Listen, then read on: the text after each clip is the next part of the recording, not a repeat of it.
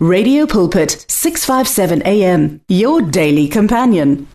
Family, I greet you today in the name of Jesus. I am Pastor Jones Maleka from Radio Pulpit in Pretoria, South Africa. I would like to teach on the subject miracles for believers. As believers, we need miracles. We must embrace miracles. Miracles are not only for crusade. Miracles are not only for people who are sick. Miracles are only for us. Remember when Paul and Silas were locked up in prison? No one could defend them. No one could take them out of prison. They had to praise God. They had to pray. They had to worship God. And as they were doing that, miracle happened. Miracle happened. There are some situations in life when you look around, it seems like no one is there for you. No one is there to help you. What you need is the miracle of God. What you need is God's intervention. As I say that there are atheists, there are people who don't believe in God, who are defiling the name of God, who think that God do not exist. So those people need to be corrected. Those people need to be confronted. Those people need to be challenged so that they can see that our God exists. That is why Jesus said, Some will not believe unless they see miracles, according to the book of John, chapter 4, verse 49. So, it is important for people who don't believe to hear the word of God so that their eyes can be opened. Remember Elijah when he was head on with the prophets of Baal. So miracles happen to turn the hearts of people to God. That is why the prophets of Baal, after they saw the miracle that prophet Elijah performed, they worshipped God. They gave God all the glory. The main objective of apologetics is to win souls for, for God's kingdom and to expose the lies of the enemy. Anti apologists have argued that we do not need to defend the gospel since God would defend his word. God defend his word through people. Jesus, 100% God, 100% man in his earthly ministry. Yet he defended the gospel. The Bible translators such as William Tyndale were burned at stake and killed, but they defended the word of God. This man was killed in England. Believers must get involved in apologetics. They must do what Jesus and the apostles did to be more effective in soul winning. There are various methods that can be used to prove to people that the word of God is true. Evidence could be healing, miracles, and archaeological objects. Some people seek scientists, atheists, want to see before they can believe in something. Jesus proved by his healing, by healing the sick, and people got saved. Jesus proved the power of God the gospel of Jesus' family is not a scam whereby we just present and expect people to buy into it. Expect people to buy into the gospel of Jesus without them having faith in Him and understanding. Because they cannot be saved without faith. Faith comes by hearing the word of God. That is why we have to decree and declare the word of God. After Jesus said, Unless you see signs and wonders, you will not believe, a nobleman whose child was sick came to Jesus for healing of his child. The nobleman said to him, Say, come down before my child dies. According to the book of John, chapter 4, verse 49. In that regard, Jesus proved what he said. Jesus said to him, Go your way, your son lives. So the man believed the word that Jesus spoke to him and went his way. And as he was now going down, his servants met him and told him, saying, Your son lives, according to the book of John 4, verse 50. And after Jesus' evidence of healing upon the child was seen by the nobleman and his family, both of them believed. Jesus changed water into wine. John 2, verse 7 to 9, New King James Version.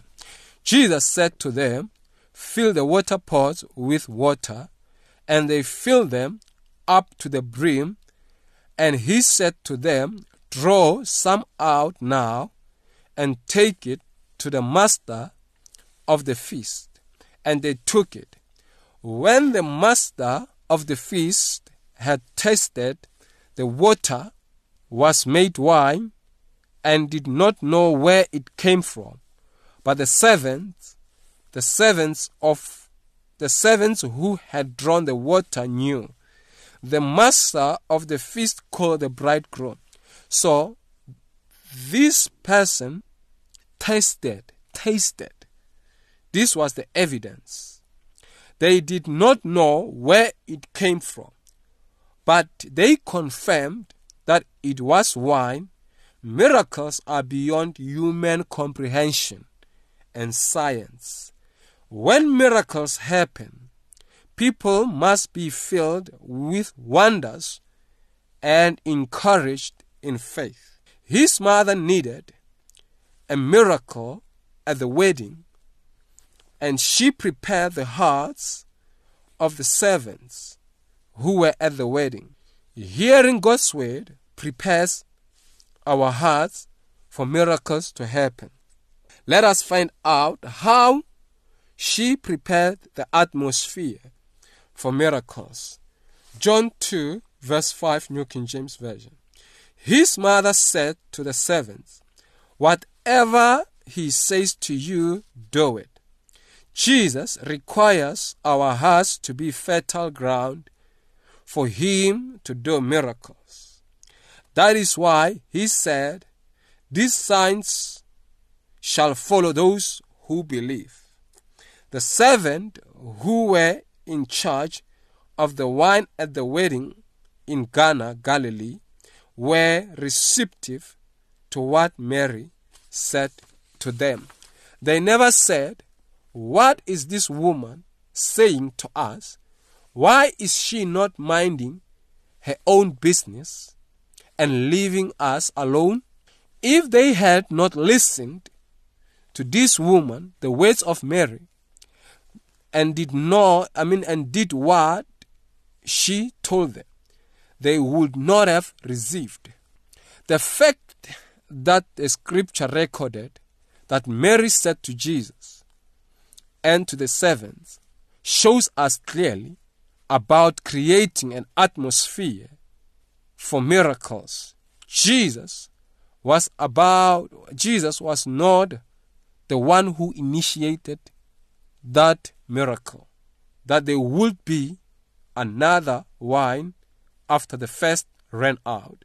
Mary was the one who initiated the whole setup. What miracle do you need? What intervention from God do you need? You can be the one who is initiating that. God will not step in and do that because you need it. If you are not taking a step of faith, if you are not acting on God's word, Kenneth E. Hagin said, God requires faith from you as a believer instead of as compared to unbeliever. Miracles are easily happening to unbelievers or for unbelievers as compared to someone who is a believer. Because you already have faith, you are of God, you have to use your faith. Use the faith of God. Use the faith of God. Mary initiated the whole setup. Jesus knew before Mary could tell him that the wine would run out but he did not do anything until Mary provoked a miracle in him. There are many people who need miracles, who need God's intervention, but they are so relaxed, they are in a comfort zone doing nothing, not hearing the word of God, not acting on the word of God through their confessions. Jesus is aware that people need or want miracles, but they are not acting on the word of God.